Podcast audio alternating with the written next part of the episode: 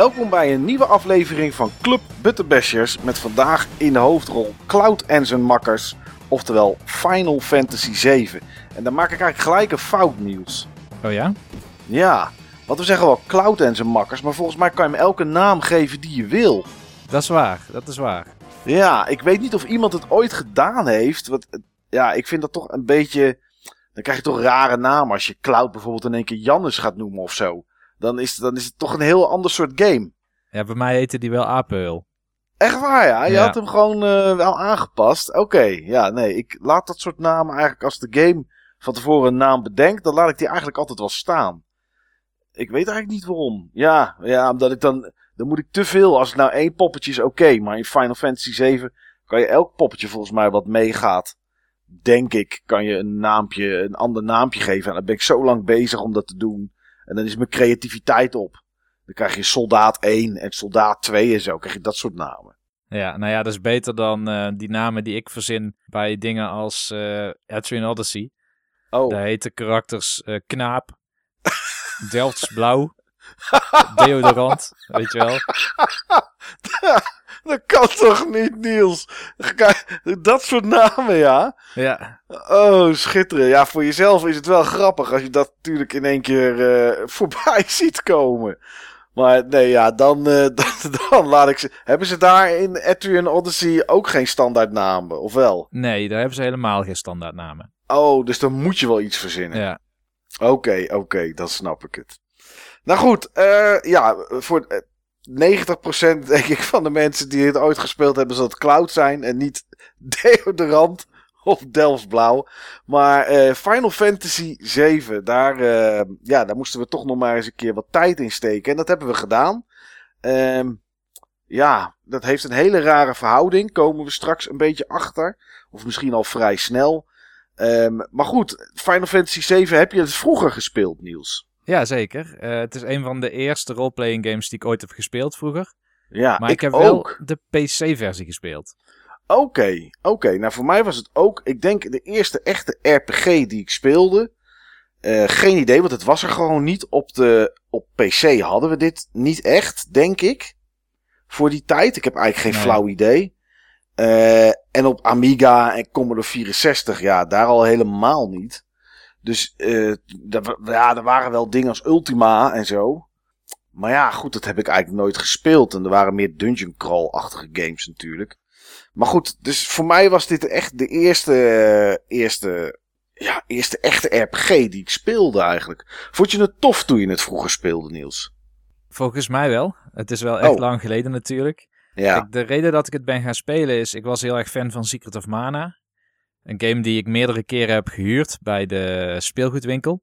ja, En daardoor kende ik het merk Squaresoft als een merk waar je iets van mocht verwachten. ja, ja, ja. Dat hadden we vroeger. Hè. Vroeger deden we, deden we dat ook. Op de Commodore 64 had ik dat ook. Als ik een vogel, als ik een game opstartte en ik zag een vogel met een, een adelaar met een diskette in zijn mond. Dan was het van Eaglesoft. Eh, later kwam ik erachter dat het gewoon een krakersgroep was. Maar als ik dat zag, dan dacht ik, oh, dit wordt een goede game. Wat het ook is. Ja, ja precies. En maar andere Final Fantasies had ik volgens mij nog niet gespeeld. Nee. Of misschien eh, deel 4 of 5 of zo, maar dan heel even, heel kort. Maar de 7 is de eerste die ik me kan herinneren dat ik die speelde, ja. Ja. Ja, nou ja, dat is. eh, ja, ik vond het. Wat ik er vooral tof aan vond, was dat ik zoiets nog nooit had gespeeld. En dan is het vaak, vaak sowieso leuk. Maar ja, je kon heel ontspannen op de bank hangen met een controllertje. En eh, ja, kon je een beetje turn, redelijk turn-based battles doen. En je hoefde geen haast te maken. Ehm nou, klopt niet helemaal, maar hè, je kon rustig aandoen. Je zat, hoefde niet onwijs knoppen te rammen van actie. En ik leefde met Final Fantasy 7 toen ik dat op de PlayStation 1 speelde. Toch wel een beetje van FMV naar FMV moet ik zeggen. Dat, was toch wel iets toen. Dat zag er echt briljant uit. Ja, dat was nieuw. Of ja, helemaal nieuw niet, want je had volgens mij al wel games met FMV op PC. Maar op console was het wel nieuw. En bovendien, ja, ja die kwaliteit die ze in Final Fantasy 7 lieten zien, dat was iets wat wij niet gewend waren. Nee, nee, zeker niet. Zeker niet. Ik weet niet meer hoe ver ik destijds gekomen ben. En dat is iets waar ik tijdens het spelen van deze game toch wel, nu ik het weer opnieuw ging spelen, een beetje achter ben gekomen. Dat ik dat niet weet. Volgens mij ergens op disk 2, zeg ik uit mijn hoofd. Hoe ver ben jij toen gekomen, Niels, op PC? Nou, ik dacht dat ik hem had uitgespeeld. Oké. Want ik herinnerde mij de allerlaatste scene nog. Het gebied waar je dan bent, soort van krater. En dat is letterlijk naast Midgard het enige wat ik me nog echt kon herinneren. De rest was allemaal vergeten of een soort van blur. En heel af en toe kwam ik in deze playthrough nog iets tegen dat me deed herinneren aan die eerste keer dat ik het speelde. Ja, nee, dat had ik precies zo. Op een gegeven moment na twee of drie uur spelen dacht ik, ah, dit herken ik helemaal niet. Maar dit, dat kan onmogelijk dat ik het niet herken. En dan zit je op tien uur of, of, of, of weet ik veel wat, of elf uur te spelen. En dan denk je, hé, hey, maar, maar dit weet ik nog. Dus dat is wel vaag hoe, hoe sommige dingen wel blijven hangen en andere niet. Nou ja, misschien ook niet. Misschien zijn dat de minder, minder bijzondere momenten. Want moeten eerlijk zijn, dat heeft deze game heeft dat ook wel. Mhm. Iets mindere bijzondere momenten. Um, ja, je kan Final Fantasy 7 denk ik op bijna alles spelen wat van Sony is. In ieder geval. Van PlayStation 1 tot 4 en, en PSP en Vita. Uh, nou, je kan het zo gek niet, gek niet bedenken. Uh, waar heb jij hem ditmaal op gespeeld, Niels? Deze keer is hij ook uitgekomen voor Xbox One, PC en uh, Switch. En ik heb hem op Switch gespeeld. Oké, ja. ja dat, nou, ik toevallig ook. Uh, en de Switch, ik weet niet of de, de extra's die in de Switch zitten eigenlijk ook bij de Xbox One en zo zitten. Weet jij dat? Ja, die zitten daar ook in. En volgens mij ook in de PS4-versie, maar die was wat eerder uitgekomen dan de rest. Ah, oké. Um, en als we het hebben over extra's, dan zijn dat wel dingen die uh, een beetje bepaald hebben hoe wij uh, ditmaal de game gespeeld hebben. Um, in de nieuwe uitgaves zit er namelijk mogelijkheid om uh, de game drie keer sneller te laten lopen. Um, en dat is op elk vlak. Dus dat is het, lopen wat je doet. Het zijn de battles. Het zijn de gesprekken. dan kan je de tekst komt dan op beeld en kan je zelf dan doordrukken. Dus het is niet zo dat je als een, als een bezetene moet gaan zitten lezen. Um, dus alles loopt drie keer zo snel. Je kan aanzetten dat er geen random encounters zijn. En dat is toch wel een dingetje. Dat was het vroeger al wel. Alleen toen wisten we niet beter. Maar uh, ja, goed. Dat is, dat is wel een ding. En een soort van battle boost. En die geeft je de mogelijkheid. Uh, nee, ja, die geeft je de mogelijkheid om elke beurt tijdens, uh, tijdens de gevechten je limit te gebruiken. En limit is normaal iets wat opbouwt um, is een metertje dat je ziet. En des te meer damage dat personage toegediend krijgt, des te eerder het metertje van de limit vol is. En dan kan je een speciale aanval doen. Uh, en die drie zijn ook nog eens te combineren. Dus je kan hem op drie keer snelheid zetten. Geen random encounters en altijd limit aan. En um, ja, dan kan, je, uh, dan kan je redelijk snel. Nou ja, redelijk snel door de game heen lopen. Want jij hebt hem uitgespeeld, hè Niels? Ja, ik heb hem uitgespeeld en ik heb wel die drie keer snelheid vaak gebruikt. Ja. En toen heb ik er zo'n ergens tussen de 20 en de 23 uur over gedaan. Ja. Nou, ik heb die drie keer speed niet gebruikt. En dan zie je wel hoeveel dat dus uh, scheelt. Want ik heb er in totaal 15 uur precies, zag ik op mijn save game uh, uh, aan besteed. En jij hebt hem uitgespeeld, dus je bent door disc 1, die zitten er uit Switch uiteraard niet bij, maar er zit wel een moment tussen, zag ik bij jou Niels, dat je echt weet van oké, nu ga ik naar een andere disc. Um, ja, jij bent door disc 1, disc 2 en disc 3 heen gegaan. Disc 3 is geloof ik niet zo lang, hè? Nee, dat is letterlijk alleen het laatste gevecht in dat gebied. Ja. Uh, en ik ben nog niet eens bij het einde van disc 1 gekomen. Dus dat scheelt wel enorm. Maar disc 1 is meer dan de helft van het spel, hè? Ja, oké. Okay. Dat wel. Maar toch. Weet je, het is uh, die drie keer speed. Dat helpt. Ja, zeker in gevechten natuurlijk. Mm. Helpt dat natuurlijk wel uh, heel veel. Um, dit is echt een, een, een, een enorme rukvraag. Maar ik ga hem wel stellen. Wat is het verhaal van de game eigenlijk, Niels? Uh, even nadenken, hè? ja, nee, maar dat is ook een puntje. De, op een gegeven moment zijn er momenten dat je gewoon vergeet waar het eigenlijk over gaat. Wat het grote verhaal is. Ja, ik weet wel wat het verhaal is. Het verhaal is niet wat je per se beleeft chronologisch wanneer je het speelt. Dus het verhaal speelt zich eigenlijk af op een achtergrond. Ja. En ja, daar maak jij als, als Cloud en, en Cornuiten, en soms zonder Cloud, want die is op een gegeven moment ook weg, uh, maak jij daar delen van mee. Maar uiteindelijk gaat het meer over die, uh, dan ben ik die naam alweer vergeten. Van wat? Um, die moeder, zeg maar, van Sephiroth. Oh, um, de moeder van Sephiroth, dat weet ik wel. Uh, Genova. Juist, Genova, dat is het verhaal. Dat is een typisch Final Fantasy verhaal, maar er komt iets van Outer Space, in dit geval Genova. En um, die uh, probeert uiteindelijk machtiger te worden. In de vorm van offspring Sephiroth. Ja. Want die um, Hojo heet die geloof ik, die wetenschapper van uh, Shinra. Van Shinra, ja. Die experimenteert door cellen van Genova in, volgens mij zijn het embryo's of zo. Uh, dus ik weet niet meer precies wat hij doet. Ja. Maar die probeert, uh, ja, zijn, zijn zoon is dus eigenlijk Sephiroth. Dus hij heeft met zijn vrouw een zoon gekregen. Daar heeft hij de cellen van Genova bij gedaan. En daardoor wordt het, ja, eigenlijk een... Een, een, een ancient. Een soort ancient, inderdaad, ja. Ja. En um, eigenlijk kan die ook uh, volgens mij met een soort van mind control clones van Sephiroth besturen. Ja. En eigenlijk alles wat dus van die cellen heeft van, uh, van Genova. En dat is wat je uiteindelijk meemaakt als speler. Dat je daardoor wordt bespeeld. Want Cloud die heeft er ook last van. Die krijgt soms een soort hoofdpijn of zo. En krijgt hij visioenen of stemmen ja, en, dat hij niet meer berichten weet. inderdaad. Ja. Ja.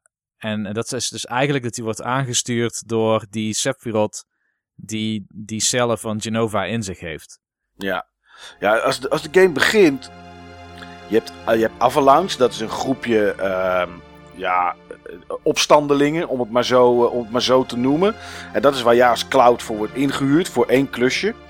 Um, en en nou, die, die strijden tegen Shinra. En Shinra is, is, een soort, ja, is een soort, in ieder geval een bedrijf zoals Eneco of Ascent. Energiemaatschappij, ja. Ja, energiemaatschappij. Dat is het juiste woord inderdaad. Um, en die halen Mako uit de, uit de planeet om energie van te maken. En Mako, dat zijn dan weer een soort zielen van de mens die als ze sterven daar een soort van ronddwalen, zeg maar. Uh, maar dat is ook de bron van de planeet om het te laten leven. En omdat um, Shinra dat uit de planeet haalt, ja, dan gaat de planeet langzaam dood. En Avalanche die wil dat tegengaan, want er staan overal op de planeet staan uh, reactors, staan fabrieken, uh, die staan daar om, om die Mako uit de grond te pompen. En dat is hoe het spel begint. En dan denk je van oké, het is een game waarbij Avalanche, dus een, een groepje huurlingen en, en ja, het worden gezien als rebellen, een beetje tegen Shinra strijden. En daar heeft Shinra wel meer invloed. Um, omdat het natuurlijk later blijkt dat, dat, uh, dat, dat die daar zeg maar achter zitten met Sephiroth. Maar het is wel. Ja, het, het gaat wel alle kanten een beetje op met het verhaal, vind ik. En het is niet lastig te begrijpen. Maar soms zitten er best wel stukken tussen. Zeker omdat ik hem niet op drie keer speed speelde. Dat je twee, drie uur helemaal niets aan het doen bent eigenlijk. Met het verhaal. En dat, vind, klopt. Dat, ja. dat vind ik wel lastig. Want het verhaal is eigenlijk, die Genova, die uh, probeert om al die, uh, die clones zeg maar te besturen. Ja. En dat hele Shinra-verhaal, Shinra staat op een gegeven moment gewoon bijna buitenspel. Ja. Die, die doen eigenlijk niet meer mee vanaf twee derde in de game. Ze komen nog wel voor. En die Turks, dat zijn zeg maar een soort van huurlingen van Shinra. Klopt dus, inderdaad. Laat ik het soort van special task force noemen of zo. Die ze steeds inzetten als er iemand opgeruimd moet worden. Ja. Die komen ook nog wel in beeld. Maar ja, kijk, Shinra is gewoon een energiemaatschappij. Die voor de speler in ieder geval een soort van urgent probleem voorschotelt. Maar het is niet het echte probleem. Nee. En Shinra wil gewoon rijk worden. En op een gegeven moment leren ze van de Promised Land. Dat is zeg maar zogenaamd een ander land waarin nog veel meer mako-energie zou zitten. Ja, en dat is waar uh, in het begin van het verhaal, zeg maar, Sephiroth naartoe wil. Die wil naar de Promised Land. Ja. Zodat hij daar heerser kan worden van de planeet. En hij wil daar samen uh, met zijn moeder, wil hij daar, met die Genova, wil hij daar naartoe. Dat is, dat is wat in het begin aan jou verteld wordt. Tenminste, een paar uur in de game, dat dat het is. Ja. En dan moet Sephiroth natuurlijk gestopt worden. Want ja, die, uh, dat kan natuurlijk ook niet. Ja, het probleem met Sephiroth is dat op een gegeven moment wil hij een soort van god worden. Ja. En dat moet hij doen door eigenlijk de planeet. Ik denk niet dat het de aarde is. Ik weet eigenlijk niet wat de planeet. Gaia of zo heet die, geloof ik. Ja, zoiets inderdaad. Door ja. die zoveel schade toe te doen. dat de planeet, zeg maar, die. die ja, dat, dat Mako-energie, zeg maar. Ja. gaat uitscheiden. zodat hij dat weer kan absorberen. Dat is dan het idee. Ja. En dat is dus uiteindelijk de grote bedreiging. Want dan zou de hele planeet mogelijk kapot gaan. En eh, daarom moet Sephiroth gestopt worden. Ja. Eigen, als mensen niet zouden weten waar we het over hebben en ze horen dit verhaal. Het klinkt eigenlijk te bizar voor woorden, Niels. Ja, maar ik vind het wel, wel een van de betere eh, Final Fantasy verhalen. Nou, dat is het wel. Er, er zit in ieder geval een hoop. Er gebeurt qua verhaal Ja. wel een hoop. En dat is ook iets dat, eh, eh, dat je wel merkt als je aan het spelen bent. Is ook backstory, zeg maar. Bijna alle personages die je tegenkomt. eh, een- een- Barrett, een Tifa, eh, nou, noem ze maar op. Het zijn geen hele platte karakters. Er zit altijd wel iets van achtergrond in. Barrett, de kom je erachter waar die vandaan komt en kom je in zijn dorpje en wat daar gebeurd is en waarom die zo geworden is, wat die nu is. Eh, en Cloud zie je dan zeg maar hoe zijn, hoe zijn jeugd geweest is en dat soort dingen. Dus ja, je bent niet heel lang in deze game doelloos bezig eigenlijk. Je bent altijd wel met iets van story bezig, of dat nu site is of, eh, of iets normaals. Dat is, ja, dat is, dat is wel goed gedaan, inderdaad. Ik kan me herinneren dat ik laatst nog een keer 12 of zo heb gespeeld. Eh, ja, 12, die had ik nog nooit gespeeld. Ja, daar was ik soms gewoon een half uur lang of een uur lang alleen maar door een dungeon aan het lopen en tegenstanders kapot aan het hakken. En gebeurde eigenlijk helemaal niets met verhaal. Maar dat, ja, dat heb je minder in Final Fantasy 7. Behalve als je die random encounters aanzet. Eh, jij hebt ze aan laten staan, Niels. Mhm. Want je wist pas richting het einde dat ze uit konden. Maar dat is wel een dingetje, vind ik. Die random encounters. Voor de mensen die denken, wat is een random encounter? Ehm, terwijl je de game aan het spelen bent. En je bent niet in een dorpje. Volgens mij is, of een stad. Volgens mij is dat de enige plek, zeg ik even uit mijn hoofd. Ehm, op alle andere plekken lopen tegenstanders die je niet ziet. Maar die je wel om de. Nou, ik weet niet of er een timer is. Er zullen vast mensen zijn die het een keer getimed hebben. Maar ik denk, voor je gevoel krijg je om de 30 seconden wel een gevecht. En die gaan op een gegeven moment wel irriteren. Ja. Nee, dat is zeker zo. Vooral als je ze heel makkelijk aan kan. Dan zit het Ja. alleen maar in de weg.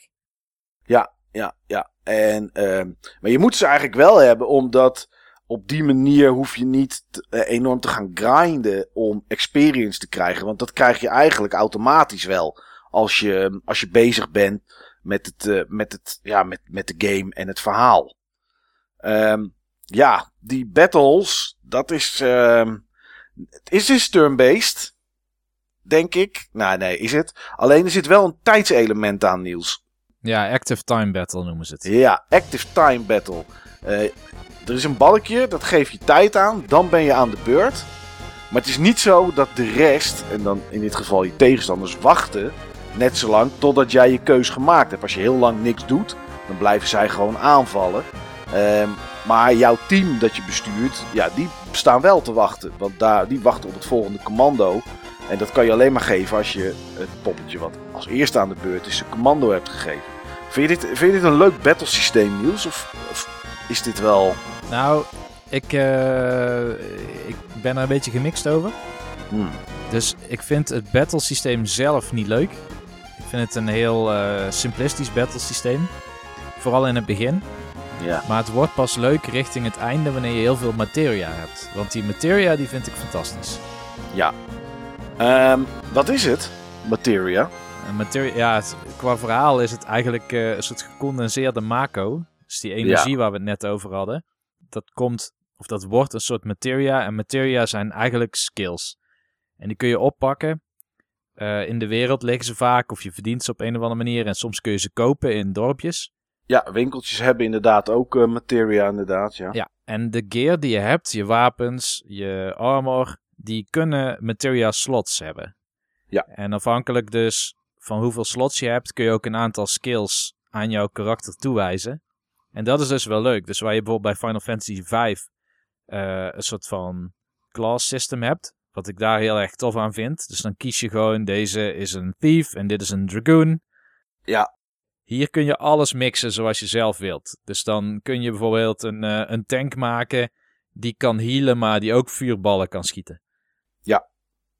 Ze hebben wel, er is wel een kleine beperking en dat is het soort wapen. Je kan niet elk wapen bij iedereen equippen. Dat houden ze wel, uh, dat houden ze wel gescheiden. Dus in dat opzicht heb je iets van scheiding. Maar voor de rest inderdaad, ja, je hebt wapens, er zitten gewoon acht of tien materia sloten op. En daar kan je dan inderdaad, uh, ja, daar kan je fire bijvoorbeeld instoppen, waardoor je fireballs uh, kan, kan afschieten. Uh, het levelt ook, des te meer je het gebruikt en gaat, ja, gaat de kwaliteit van die materia gaat omhoog. Dus dan krijg je op een gegeven moment heel origineel Fire 1 en Fire 2. maar goed, het is wel heel duidelijk wat het is, maar heel originele namen zijn het niet. En wat ik er tof aan vind, is er is een materia en die heet All. En um, soms zie je in je wapen of in je armor zie je dan um, twee van die sloten die zijn gelinkt. En als je daar bijvoorbeeld al neerzet en fire, dan kan je eenmaal tegen alle tegenstanders een attack doen met fire. En dat is inderdaad heel tof om mee te combineren. Um, iets anders wat je erin kan doen zijn summons. Ja, dat is weer het, uh, het over de top gedeelte van Final Fantasy, denk ik. Als we het zo uh, mogen noemen. Um, ja, je hebt heel veel summons. En summons wil zeggen dat er. Ja, hoe moet je dat uitleggen, Niels? Beeldvullend komt er een aanval van een soort. Ja, misschien moet je het omschrijven als een soort god. Of, of ik weet eigenlijk niet of ze het uitleggen wat het precies is. Misschien is het ooit in een eerdere Final Fantasy uitgelegd. Dat weet ik eigenlijk niet.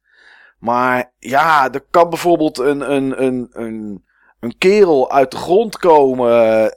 Die, waar een berg zich in één keer vormt. En die dan uh, bliksemschichten naar beneden gooit. Of een hele grote chocobo kan aankomen rennen. Die iedereen omver beukt. Uh, ja, jeetje, hoe, hoe, moet je een summon omschrijven? Niels? Ja, voor mij is het gewoon een cutscene attack.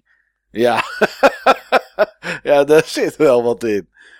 Ja. Ik heb ze eigenlijk gewoon bijna niet gebruikt in mijn hele playthrough. Oké. Ik heb veel meer gewoon materia gebruikt die ik goed vond werken. Zoals Comet. Um, ja. En uh, Fire 2 of zo, weet je wel. En, en proberen die, die combinaties te vinden, zoals je net al zei. Ja. Want dan maak je echt hele mooie mogelijkheden. En dat, ja, dat vond ik dus het leuke aan materia. Dus ik vind het wel uiteindelijk een van de leukste Final Fantasies op dat gameplay gebied. Omdat Ja. je zoveel naar je hand kan zetten.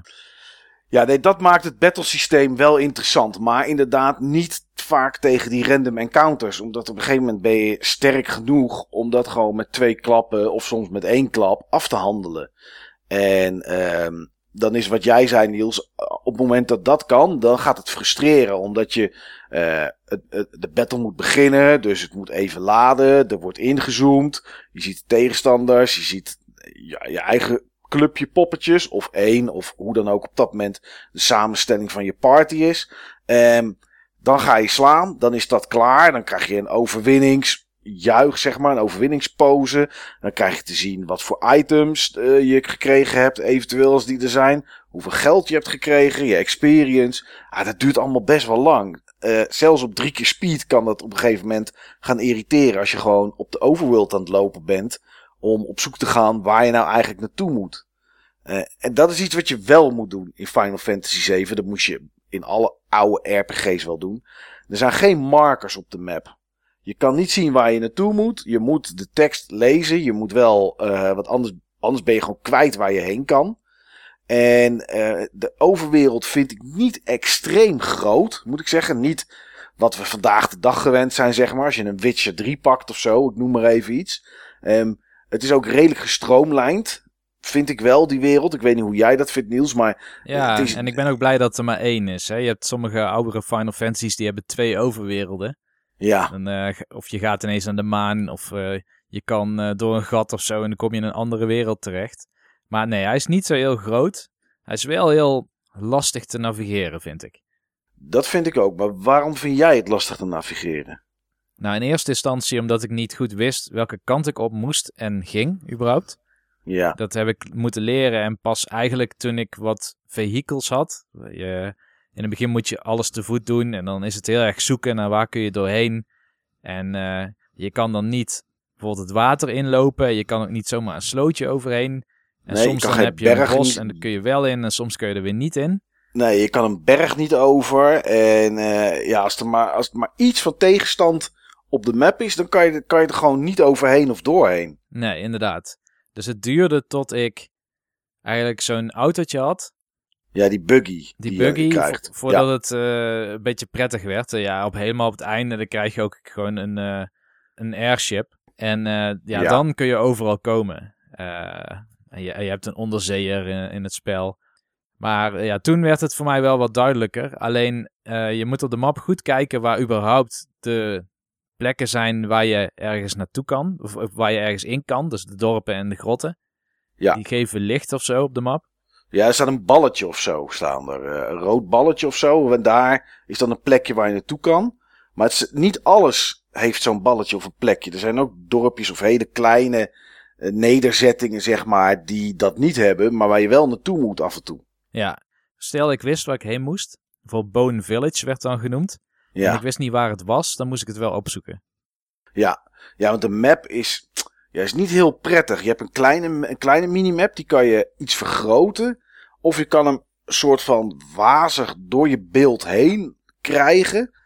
Maar je ziet nooit precies waar wat is. Er staan geen naampjes bij of zo. Dus als je dan naar iets moet zoeken en ehm, vaak kan je maar één kant op. Zeker in het begin, kijk als je op een gegeven moment die airship ding zeg maar hebt. Ja, dan kan je over alles heen vliegen. En dan wordt het een stuk makkelijker. Maar als, je dat, als dat niet kan, dan is, het, is die map soms wel eens vervelend om, om te navigeren. En als je dan die random encounters de hele tijd tussen hebt. Ja, dan wordt het wel, eh, dan, dan wordt het wel hinderlijk. Goed, voor mij was dat niet het enige wat hinderlijk was. Laat het eens hebben, Niels, over de minigames die erin zitten. Oh, heerlijk. Dat is een grapje, sarcastisch. Ja, dat snap ik inderdaad. Want die zijn, ja, ik snap gewoon niet hè, waarom ze dat doen. Zeker in het begin moet je op een gegeven moment moet je iemand mond-op-mond beademing moet je geven. Dan moet je geloof ik op één knop drukken om lucht te nemen, om een hap lucht te nemen. En nog een keer een knop te drukken om het erin te blazen. Bij die, ja, het kan niet misgaan. En, en het is helemaal niet leuk. Dit, het, eh, ik vond het stront vervelend. Ja, en het is ook niet optioneel, hè. Het gaat pas verder als het je lukt. Ja. En dat is het vervelende. En het, het spel zit eigenlijk best wel vol met dat soort minigames. En eigenlijk is geen enkele minigame leuk. Nee. Maar misschien was het in die tijd wel leuk, omdat het dan vernieuwend was. En dat soort gameplay in een soort roleplaying game die nu voor het eerst in een vrij grote 3D-wereld is. Ja.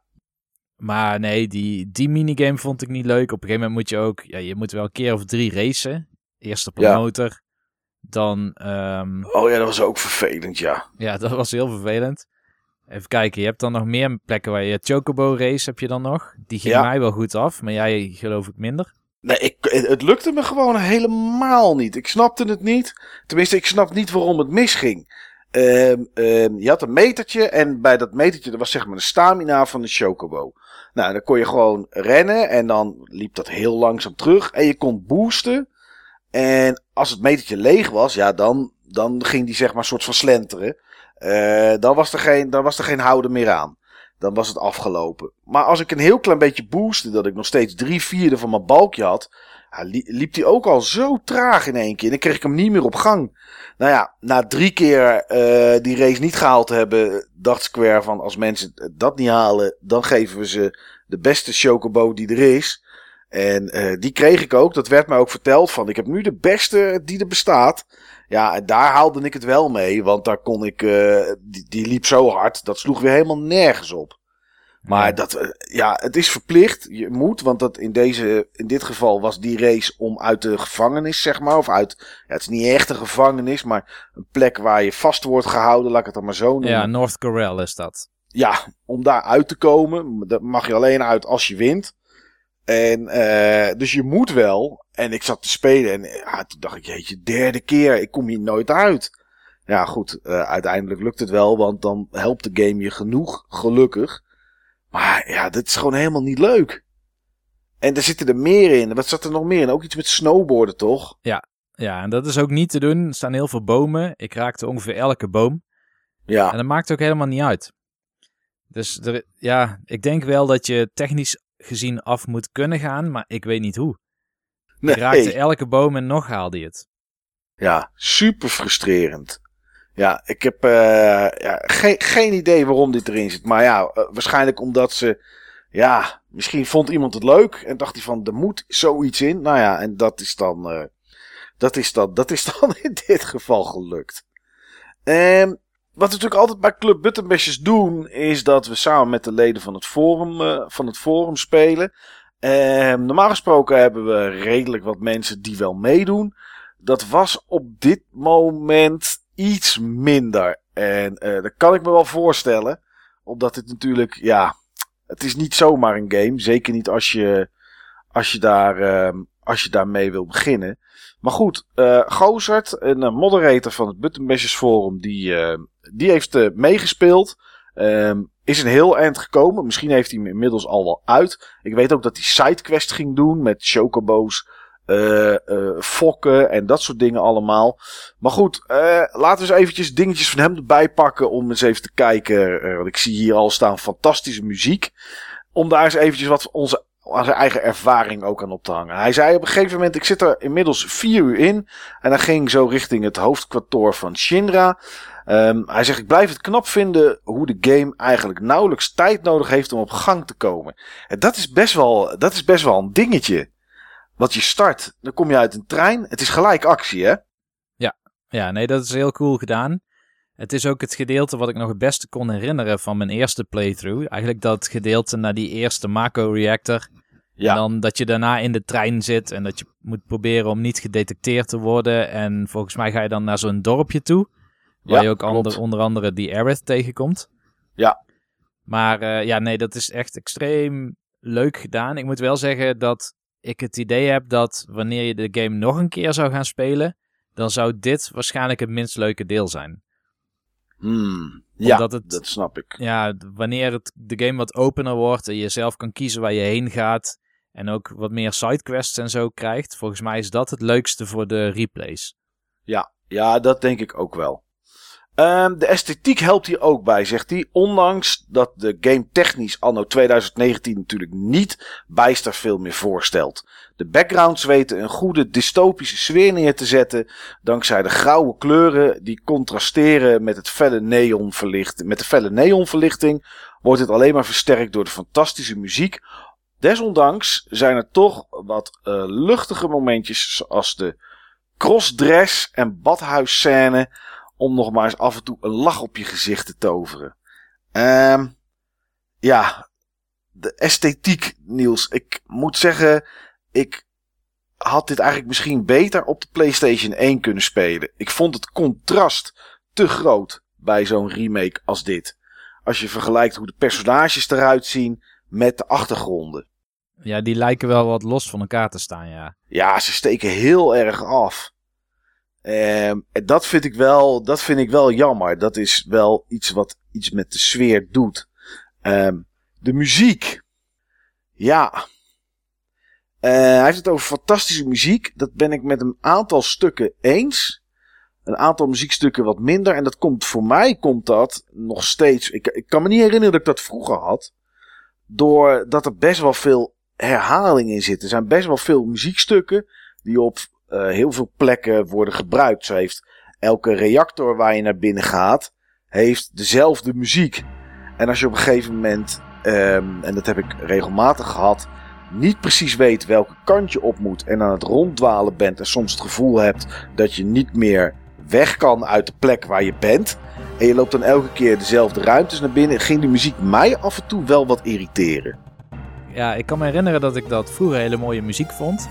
Ja. En nu eigenlijk niet. Uh, nee. Ik, ik herken nog wel wat ik er toen mooi aan vond. Maar uh, ja, ik vind misschien zelfs de 16-bit rendities van een aantal van die liedjes mooier. En ik denk dat ik de meer gekkere nummers, want er zitten ook wel af en toe wat maffe nummers in.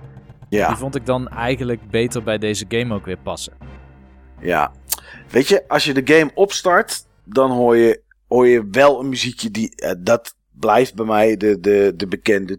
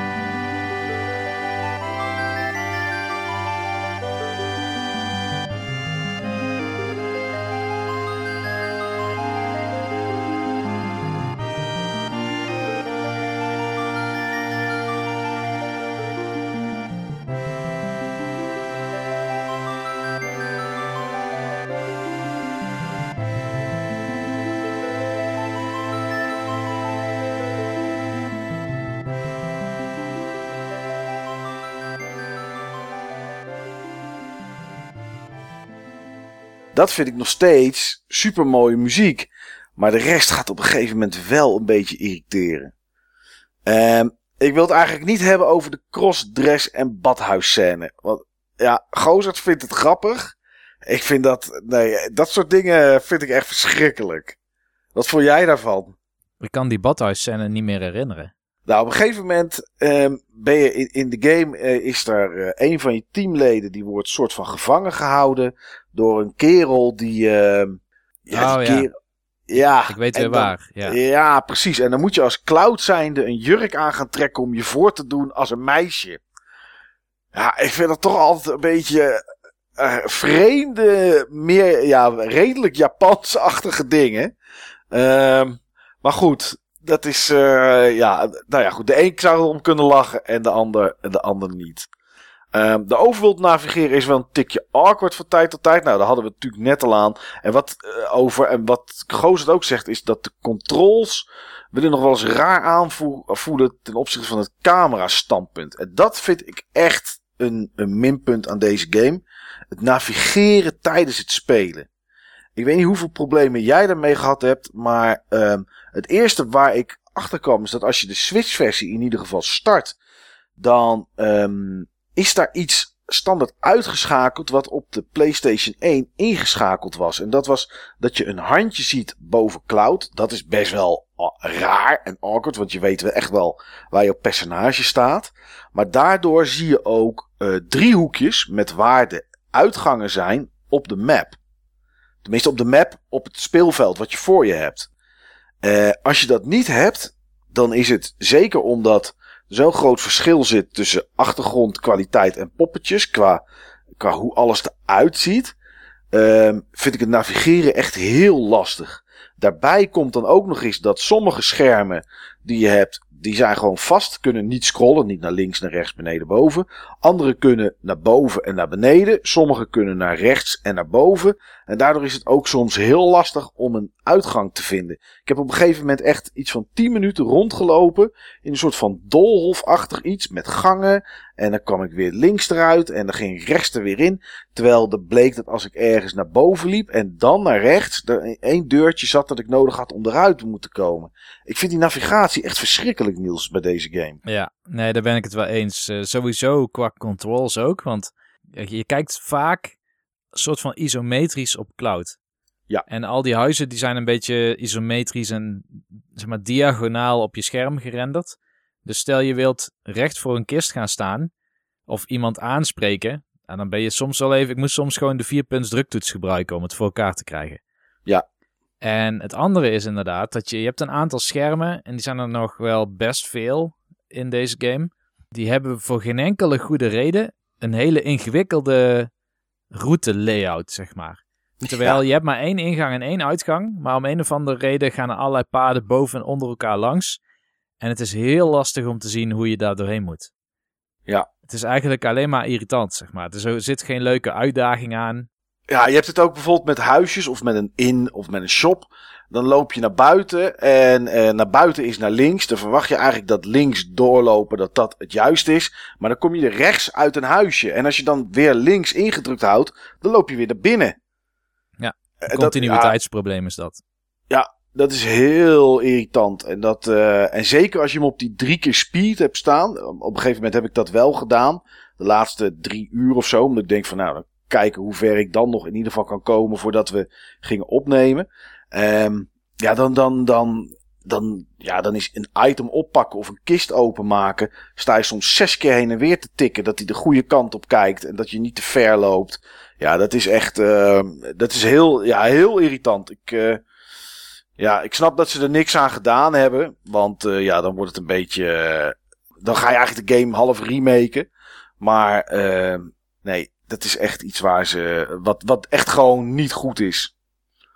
Ehm een stukje later geeft hij aan dat uh, zijn oordeel nog niet veel veranderd is. Hij vond het wederom jammer om Midgard in te ruilen voor de wat gangbare fantasiethema's die je tegenkomt. Uh, dorpjes, uh, een havenstad, dat soort dingen allemaal. Midgard, dat is de stad waar het zeg maar begint. En dat is best, die vind ik echt wel gaaf ontworpen.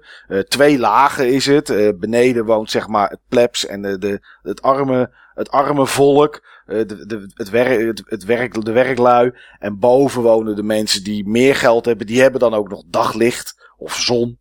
Uh, de mensen die eronder hebben dat niet. En dat is best wel, uh, dat is best wel, dat is best wel tof.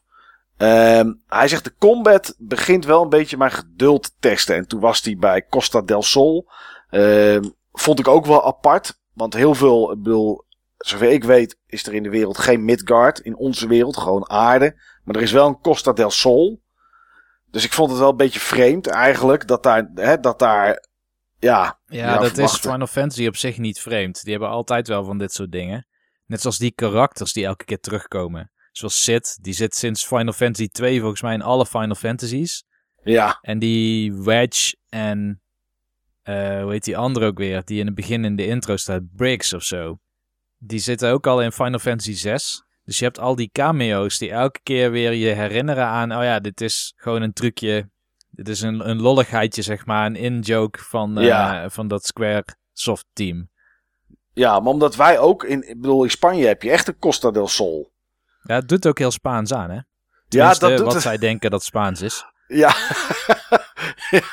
hoe Japanners denken dat Spanje eruit ziet, inderdaad. Maar dat is, ja, weet je, dat is toch wel apart. Tenminste, ik vond dat wel apart. Um, de uitdagende gevechten zoals bazen vond hij nog wel leuk om te doen. Maar de rest is vrijwel niets meer dan de cirkelknop ingedrukt houden. Hij heeft hem wel op de PlayStation 1 gespeeld. Uh, zover ik weet. En wachten tot, er, uh, tot, er, tot je aan de beurt bent of wat, uh, wat spels er doorheen te knallen. En ja, dan ben je eigenlijk wel klaar. hij zegt ook, in principe is er geen grinding nodig. Wat wij ook al zeiden. Ja, weet je, als je gewoon de random encounters pakt, dan, dan is dat voor de rest goed. Disc 1 heeft hij op een gegeven moment afgesloten, inclusief die race. Nou goed, ik ben daar nu niet gekomen. Ik weet het ook niet meer. Wat is er met die race, Niels? Geen idee. Oké, okay, nou, dat is dan, uh, dat is dan mooi. Meer uitleg hebben we ook niet. Nee. Dus dat is, uh, dat is, dan, dat is dan goed. Hij zegt, ik moet nu wel zeggen dat ik het verhaal wat beter begin te waarderen bij deze tweede keer dat ik het speel. Omdat het allemaal iets behapbaarder is vanwege de vele vooruitwijzingen die ik nu wel snap. Maar voorgaande kritiek op het verhaal ligt dus meer bij de tekortschietingen van het narratief en de brakke vertalingen dan de inhoud zelf. Ja, de vertaling is niet altijd even best. Ik weet niet wat het origineel gezegd zou hebben in het Japans. Maar er zitten soms wel wat rare zinnen tussen, Niels. Maar ja, goed, dat... Ja, ik wil trouwens nog wel iets zeggen over dat Midgar. Want ik ben het wel met Gozert eens dat dat, nou in ieder geval voor mij, uh, denk ik wel de gaafste Final Fantasy locatie is die ik ken. Ja. Ik heb niet heel veel Final Fantasies gespeeld. Ik heb 1 tot en met 4 uitgespeeld. En ik heb 5 en 6 heel kort gespeeld en gedacht, die laat ik nou even liggen. De 7 heb ik gespeeld. Ik heb een groot gedeelte van 10 gespeeld en dat was het. Oh ja, een 13 okay. een stukje. Dus uh, ja, ik heb wel redelijk wat gezien, maar die 3D Final Fantasies heb ik nog heel veel nog niet van gedaan. Nee. Maar die, ja, dat Midgar is qua sfeer en qua omgeving en, en hoe die stad in elkaar zit en het verhaal eromheen wel echt heel gaaf gemaakt. Ja. Um, nou goed, tot zover de avonturen van Gozert. Hij heeft nog wel ergens een keer gezegd dat hij net begonnen was aan Dis 3. Dus, uh, Ja, dat was hij, bijna, hè? Dan had hij nog ja, anderhalf uur moeten spelen. Ja, Ja, maar ja, hij wilde eigenlijk wilde die nog wat andere dingen wilde die doen. Wat sidequests en, uh, en dat soort zaken. Heb jij sidequests gedaan, Niels? Heel weinig. Als het op mijn pad kwam en het kon gemakkelijk, dan deed ik het wel. Maar ik heb ze niet opgezocht. Ik heb bijvoorbeeld ook um, Juffy of Juffy heet ze geloof ik. Ja, en klopt, Vincent niet ontmoet. Nee, dat is inderdaad een, eh, een sidequest ergens in een dorpje, volgens mij een beetje links, ergens op de map. Eigenlijk als het een map is, uh, zou ik het westen moeten zeggen natuurlijk. Dat is iets, uh, ja, iets netter. Wutai of zoiets is het, hè? Zo'n Chinees dorp. Ja, zo'n Chinees dorp inderdaad, ja. Waar een beetje brand ook is. En uh, ja, waar je met een, met een gast kan trainen in een dojo, dat soort dingen. Ehm, maar dat is inderdaad wel een bekende sidequest. Maar ik heb die ook niet gedaan. Ik, uh, het, het, vind, het is ook lastig. Uh, tegenwoordig is het natuurlijk heel duidelijk als iets een sidequest is. Want uh, in RPG's van vandaag de dag heb je natuurlijk een log. Waarin staat welke quests je allemaal hebt. Zodat je op de map kan zien waar ze zitten. En uh, dat soort dingen allemaal. Maar het is hier soms af en toe een beetje onduidelijk wat ook een sidequest is. En ja, wat, wat gewoon bij het verhaal hoort. Of in ieder geval bij het, het grote geheel hoort. En dan, uh, ja, dus ik, ik, heb, ik heb dat ook niet gedaan. Vooral ook in het begin kom je ergens, in, eh, kom je een soort van, ja, soort van burg tegen op een, op een, op een soort van berg. Die Condor uh, Tower of zoiets is dat denk ik. Ja, ja. En daar kan je ook kan je battles gaan voeren, maar dan moet je volgens mij level 50 zijn of zo. Ik, ik kon in ieder geval niks doen, want ik had veel te, veel te weinig geld. Oh ja. Uh, dat was... Uh, en de, de Golden Saucer. Heb je daar nog veel minigames gedaan? Nee. Nee, eigenlijk niet. Ik heb uh, in de Golden Saucer heb ik, nou, volgens mij helemaal niks aan extra minigames gedaan. Jij wel? Uh, ik heb dat basketbalspel een tijdje gespeeld. Ik heb zo'n sprookje-achtig verhaal ding gedaan. Ja, dat moet in het verhaal, dat moet in, in de game. Ah, dat moest in de game, oké. Ja, in de game moet je op een gegeven moment meespelen in een, uh, in een toneelstuk. Ja. Ja, dat klopt inderdaad, ja. Ja, ja, ook wel grappig hè, die Golden Saucer. Ik bedoel, ik ben heel benieuwd hoe dat straks dan in die remake eruit gaat zien. Ja, dat is wel een ding hè. Die, die remake komt er natuurlijk aan. Uh, volgens mij 20 mei 2020 komt het eerste Zou deel. goed kunnen. Van, en het is natuurlijk twee Blu-rays van de eerste vier uur van de game of zo. Ja, dat klopt. Er komt het eerste deel. En dat is wat we nu gelezen hebben tot en met Midgard.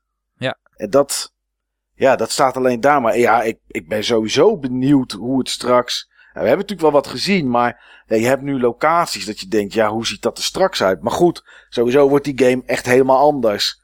Want uh, combat is anders. Uh, wat we gezien hebben, er zit wel ATB in. Er zit wel Active Time Battle in. Mm -hmm. Maar dat is volgens mij alleen maar van wat ik nu gezien heb om, uh, om spels te doen of commando's uit te voeren. En voor de rest ben je aan het rondrennen en aan het slaan.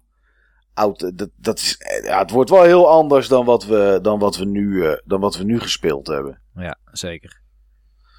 Hoe vind je de game oud geworden, Niels? Het is speelbaar. Als je liefhebber bent van, en als je wil, terug wil gaan naar bepaalde roots van de serie. Ja. Maar ik zou het niet iemand aanraden die zeg maar een jaar of vijf geleden pas is begonnen met gamen en misschien ook het genre aanspreekt. Ik denk dat het daarvoor toch een product van de tijd is. Ja. Ja, ik zou iemand die, die vijf jaar geleden begonnen is met gamen en Japanse RPG-stof vindt, zou ik denk ik Final Fantasy 10 ook niet aanraden. De, de, de remake, de remaster moet ik zeggen. Niet de remake, maar de remaster. 12 zou misschien nog kunnen. Maar dat is al wel qua battlesysteem heel anders. Maar dat is wel wat we nu hebben, zeg maar. Dat is wat actiever. Ja. Dat is niet, uh, dat is niet turn-based. Ja, turn-based is natuurlijk wel... Ja, dat is hoe we het vroeger hadden. En dat, je komt het nog wel tegen. Octopath Traveler bijvoorbeeld op de Switch. Um, en nu ook op, op PC. Maar uh, die heeft natuurlijk dat wel. Die heeft wel nog steeds turn-based battles. Uh, dus het is er nog wel, maar je komt het inderdaad niet zoveel meer, niet zoveel meer tegen. Maar ik ben het met je eens, deze game is, uh, ja, ik vond het leuk om weer te spelen. Ik moet wel zeggen dat ik, als ik een sessie had gedaan van drie uurtjes of zo op een avond. En de volgende dag dacht ik, wat ga ik gamen? Dacht ik niet, oh, ik ga weer lekker terug naar Final Fantasy 7. Ik heb me af en toe echt moeten dwingen van, hé, hey, ik moet het nu gaan spelen. En als ik het aan het spelen was, vond ik het wel leuk. Weet je, het was niet dat ik het met tegenzin heb gespeeld, zeg maar. Niet wat ik bij Half-Life 2 bijvoorbeeld af en toe had. Toen we die gespeeld hadden voor Club Button Bashers. Alleen, het is niet, het is niet een game die, dat ik denk van, oké, als, ik, als we zo meteen klaar zijn met opnemen, ga ik weer verder, want ik wil het per se nog een keer uitgespeeld hebben. Nee, dat herken ik. Ik vond het vooral in het begin lastig, moet ik zeggen. Ook al vind ik die sfeer van Midgar zo cool. Ja. Maar ik speelde dat in sessies van een half uur misschien. Hmm, oké. En er gebeurde ook heel veel. Dus uh, ja, op een gegeven moment dan zit je in een gevangenis in dat Shinra headquarters. En dan word je midden in de nacht vrijgelaten.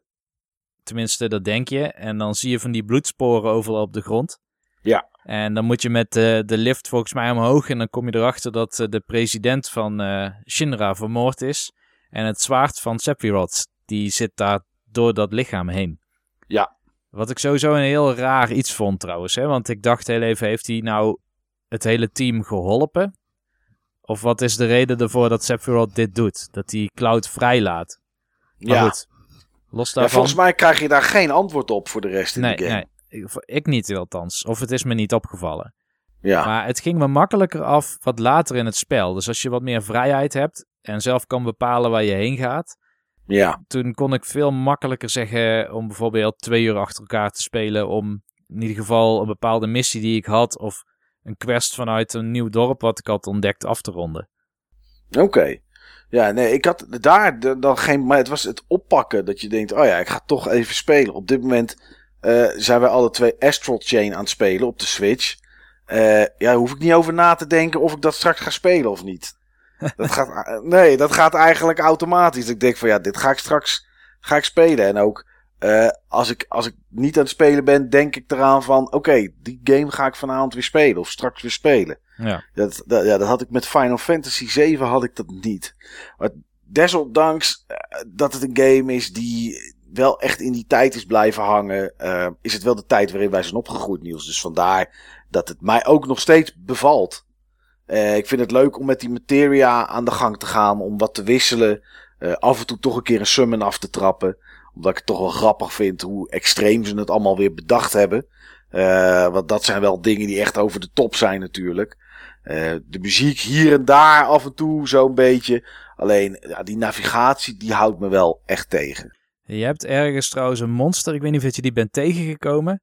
Maar die vond ik lastig. Want ik bedoel, ik vind Final Fantasy 7 denk ik de, de makkelijkste Final Fantasy van de eerste 7. Ja. Ik heb ze dan niet allemaal heel veel gespeeld, maar 3 vond ik moeilijk. En 2 heeft zo zijn lastige momenten, maar 4 was ja, redelijk te doen. Behalve op het eind. Maar 7 die vond ik eigenlijk het hele spel goed te doen. Behalve dat ik af en toe niet wist waar ik naartoe moest. Maar bij 7 heb je op een gegeven moment in de bergen, dat is meer zo'n ijsgebied. Ik weet niet of jij daar bent geweest. Nee. Daar heb je een, uh, een monster, die zie je vaker terugkomen in latere delen. Volgens mij onder andere in 12. Want ik heb uh, in Final Fantasy Tactics kom, ben ik hem tegengekomen. In ieder geval A2, okay. de Ivalice wereld. Maar um, het is zo'n soort monster met heel veel tentakels met ogen. Een soort van Medusa-achtig monster. Heel groot, grote bek. En die heeft een, een soort attack. En daar word je klein van, of een dood van, ik weet niet meer wat het was. Ja. Maar als jouw hele team is uitgeschakeld en helemaal niks meer kan doen, dan, dan zijn ze allemaal klein. Bijvoorbeeld doen ze allemaal nog maar één damage. En dan Ja. is het gewoon wachten tot je, tot je afgaat. Of, dat was mijn enige redding, wachten tot dat monster geen eh, MP meer had, zodat hij geen, geen dingen Oh, meer geen kon spels meer kon doen. Ja, precies. Ja. En dan sta je Ja, gewoon dan- een kwartier te wachten hè, tot dat gebeurt. Eh, Bij mij heeft Barrett zo'n spel om eh, mana af te pakken van de tegenstander. Dat is wel, dat is wel een prettig spel om, eh, om te gebruiken. Want dan weet je in ieder geval dat als dat gebeurt, dat diegene, ja, de tegenstanders gewoon geen mana meer hebben. Maar goed, eh, dan moet je het maar wel net weten dat dat, eh, dat dat een ding is. En anders ben je gewoon inderdaad aan het wachten. Ja. Ja, dat, was, dat was wel lastig af en toe. Op een gegeven moment ook werd er een van mijn tegenstanders werd inderdaad een kikker. En als je dan door alle potions heen moet lopen die je allemaal hebt. Om te zoeken naar die ene potion die dan eh, kikker ongedaan kan maken. Terwijl de vijanden nog aan het aanvallen zijn, hè? Precies, ja. Dat is wel, dat is gewoon geen goed design. en je hebt echt zoveel items. Je kan ze wel een beetje sorteren. Dat kan gelukkig. Door alles wat je wil gebruiken bovenaan te zetten. Maar ja, dan ben je, dan ben je zoveel bezig met tekstregeltjes te verschuiven. Want ja, goed. Item is gewoon een tekstregeltje. Dat dat echt wel te lang duurt gewoon om dat, om dat te doen. Dus dat, nee, ik moet zeggen dat dat soort dingetjes, die halen wel een beetje de snelheid en de fun af en toe uit de game. Ja. En dat is inderdaad, uh, ja. Ja, dat is jammer. Maar goed, het is ook uh, geen perfecte game. Uh, voor mij in ieder geval niet. Maar nog steeds wel vermakelijk. Ik denk dat dat mijn eindoordeel is, Niels. Voor mij ook. En een hele nostalgische game. Ja, dat is het vooral. Ja. Kijk, die, die, die, die FMV cutscenes waar we het in het begin over hadden, waar ik echt van cutscene naar cutscene leefde, om te kijken wat ze allemaal uit die PlayStation 1 konden persen, terwijl het gewoon een videootje was natuurlijk. Dat werd afgespeeld, maar, hè, en dat wist je ook wel, maar goed, het was toch bijzonder dat, dat, uh, dat die uh, PlayStation 1 dat kon. Ja, die vallen nu natuurlijk ook tegen voor wat we nu gewend zijn. Maar nostalgie brengt het nog wel met zich mee, moet ik zeggen. Ja, die, uh, die scène waar Aerith doodgaat. Ja. Daar zit, uh, volgens mij komt daar de huge white materia. Of zij laat die vallen of zo. In die ja, scène. dat klopt. Dat klopt. En dan zie ja. je zeg maar de state-of-the-art raytracing methodes van, uh, van die tijd. ja. Want de, er zit een soort van lichtbron of zo in een soort van knikker. Ja. Dus dat weerkaatst op, op de hele omgeving, zeg maar. En super overdreven, want ze moesten laten zien dat ze konden raytracen daar. Ja. Maar dat was wel ja, heel grappig om te zien. Heb je trouwens, ja, ben jij zo eentje die een traantje moest wegpinken? Nee, dat doe ik niet bij games. nee, dat is waar. Nee, nee, nee, dat, uh, dat gebeurt niet. Nee, nee. Jij ook niet, denk ik nee, toch? Nee, nee, nee. Ja, je, je wist het al, zeg maar. Ja. Dus ik had haar ook helemaal geen wapens of iets gegeven. Nooit gebruikt. Nee. Altijd nee, uh, Tifa of zo gebruikt. Ja, ja, maar dat kan gewoon. Hè. Je kan natuurlijk er gewoon voor kiezen uh, wie je in je party meeneemt. En uh, zo heb, heb, ik ook bepaalde personages, zoals die oplichter. Nou, dan weet je ongeveer wel wie het is. Tenminste, dat komt uh, op een gegeven moment naar buiten dat er een een oplichter is. Ja, weet je, die gebruik ik ook niet in mijn party. Dat vind nee. ik helemaal geen leuk personage. Welke gebruikt je wel dan? Sowieso eigenlijk altijd Cloud en Barrett en dan eigenlijk Tifa, volgens mij. Dat is Ah, echt ja. mijn vaste, een vaste party. Soms moet je uh, Red 13 moet je meenemen. Uh, omdat, ja, omdat dat gewoon eigenlijk moet. Voor het verhaal, weet je. Als dan, dan kan je sommige personages er niet uithalen. Maar nee, ja, het voor de gedeelte rest... waar Cloud in de livestream valt, kun je hem ook niet gebruiken voor een uur of tien of zo. Nee. Nou ja, tien is overdreven, maar... Dus toen heb ik Red 13 wel gebruikt, maar anders gebruikte ik hem eigenlijk ook niet. Ik gebruikte Cloud, Barrett en Sid vooral. En Sid omdat Oh, ja. hij een sigaret heeft en hij heeft zo'n Move Dynamite. En dan steekt Ja. hij die aan met zijn sigaret. Het ziet er gewoon stoer uit. ja. ja, dat is wel een tof personage, Sid, inderdaad. Ja. Ja. En dat vind ik wel goed gedaan in deze Final Fantasy trouwens. Die karakters, die zijn niet zo eendimensionaal. Hè? Dus bijvoorbeeld Sid, dat is wel een goeie, zeg maar. Maar hij is niet per se iemand die de wereld wil redden. En Nee. op een gegeven moment, hij, ja, je komt hem tegen in zo'n stad met een raket die niet gelanceerd is. Nee. Dus, uh, Oh, Shinra- dat, wel een grappig verhaaltje vond ik dat ook. Ja, ja, Sid heeft op het laatste moment gecanceld omdat er eh, een mogelijke instabiliteit was in zijn raket waar nog iemand aan aan het werken was. Ja. Maar zijn droom is altijd geweest om de ruimte in te gaan. Dus uiteindelijk ga je ook wel heel even de ruimte in voor een, eh, een huge materia. En dan heeft hij ook heel erg voor zichzelf gekozen, hè? want hij weet dat hij daarmee de wereld niet redt, maar hij is maar mooi even in de ruimte geweest. Ja, ja, dat wil hij toch bereiken. Ja, Ja. Nou ja, dat is wel zo inderdaad. Er zitten soms wel best wel wat egocentrische trekjes aan die personages. En dat houdt ze wel interessant. Ja, ja, Barrett heeft dat ook. In het begin denk je dat het iemand is die echt een hart van goud heeft en gewoon zuiver aan de goede kant staat, maar dat is ook niet het geval. Nee. Nee, dat is wel, dat is wel leuk dat die personages eh, twee kanten hebben. Een beetje schaduwkant hier en daar, eh, hier en daar hebben. Dat is wel... eh, ja, het, er zitten best toch wel een hoop leuke dingen aan, Niels. Aan deze game. Het is geen... Anders kun je het er geen uur over hebben, hè? Nee, nee, dat is ook zo. Dat is zeker zo. Ja, Final Fantasy 7. Nou ja, goed. We hebben het in ieder geval gedaan, Niels. We hebben het gespeeld. Ehm, ja, en dan gaan we eens kijken, nou ja, wij weten het al, voor wat de volgende game gaat zijn. Ehm, en dat is een game die uh, op dit moment van opnemen nog niet uit is. De volgende game die we gaan bespreken is een hele nieuwe game dus. En dat wordt Gears 5. En uh, daar hebben wij wel zin in eigenlijk. Zeker. En volgens mij is het de eerste die ook niet meer Of War heet, toch? Nee, klopt. Uh, vorige was allemaal Gears of War. Al heette Gears of War 4 eigenlijk geen Gears of War 4, maar gewoon Gears of War. Omdat ze het een soort van ja, reboot-achtig iets wilden laten heten of zo. Of dat het hip was. Maar uiteindelijk kwam daar wel een viertje bij te staan. Maar het heet inderdaad Gears 5. Ja, nou ja, iedereen noemt het ook zo. Niemand zegt Gear, ik ga Gears of War 5 spelen. Iedereen zegt natuurlijk gewoon Gears 5. Maar uh, ja, Gears 5. En uh, de reden dat wij deze game uitkiezen is omdat uh, nou ja, het weekend van de 13e september, denk ik dat het is. Even uit mijn hoofd, kom jij, uh, kom jij hier naartoe natuurlijk, Niels, een weekend. Kom je naar mij toe. En dan is het, ja, twee tv's of tv en een monitor, of hoe we het ook opstellen, op de bank. Een PC en nog een PC daarnaast, of een PC en een Xbox. Even kijken wat we gaan doen. En dan gaan we die co-op, gaan we die het hele, het hele weekend spelen. Ik heb er zin in. ja, ik ook. Ik ook. En dan gaan we hem ook op zeker uitspelen. Want dat hebben we met Gears 4 ook gedaan. Uh, ja, en dan gaan we dan denk ik misschien een week of twee daarna. Om te kijken of er mensen zijn op het Button Forum die hier, uh, die hier aan mee gaan doen. Om, uh, ja, om daar de volgende uitzending over op te gaan nemen. En uh, mocht je een Xbox One hebben of een PC, kan ik me bijna niet voorstellen dat je niet al een keer stiekem hebt gekeken naar de Xbox Game Pass. Uh, daar zit de game in ieder geval in. Voor PC kost die nog steeds, als je alleen voor PC neemt, 4 euro per maand. En volgens mij is de eerste maand gratis, of kost het maar 1 euro. Dus in theorie zou bijna iedereen met een beetje gaming PC mee kunnen spelen. Ja, en als je een Xbox One hebt, dan uh, kan ik me eigenlijk ook niet voorstellen dat je de Game Pass niet hebt.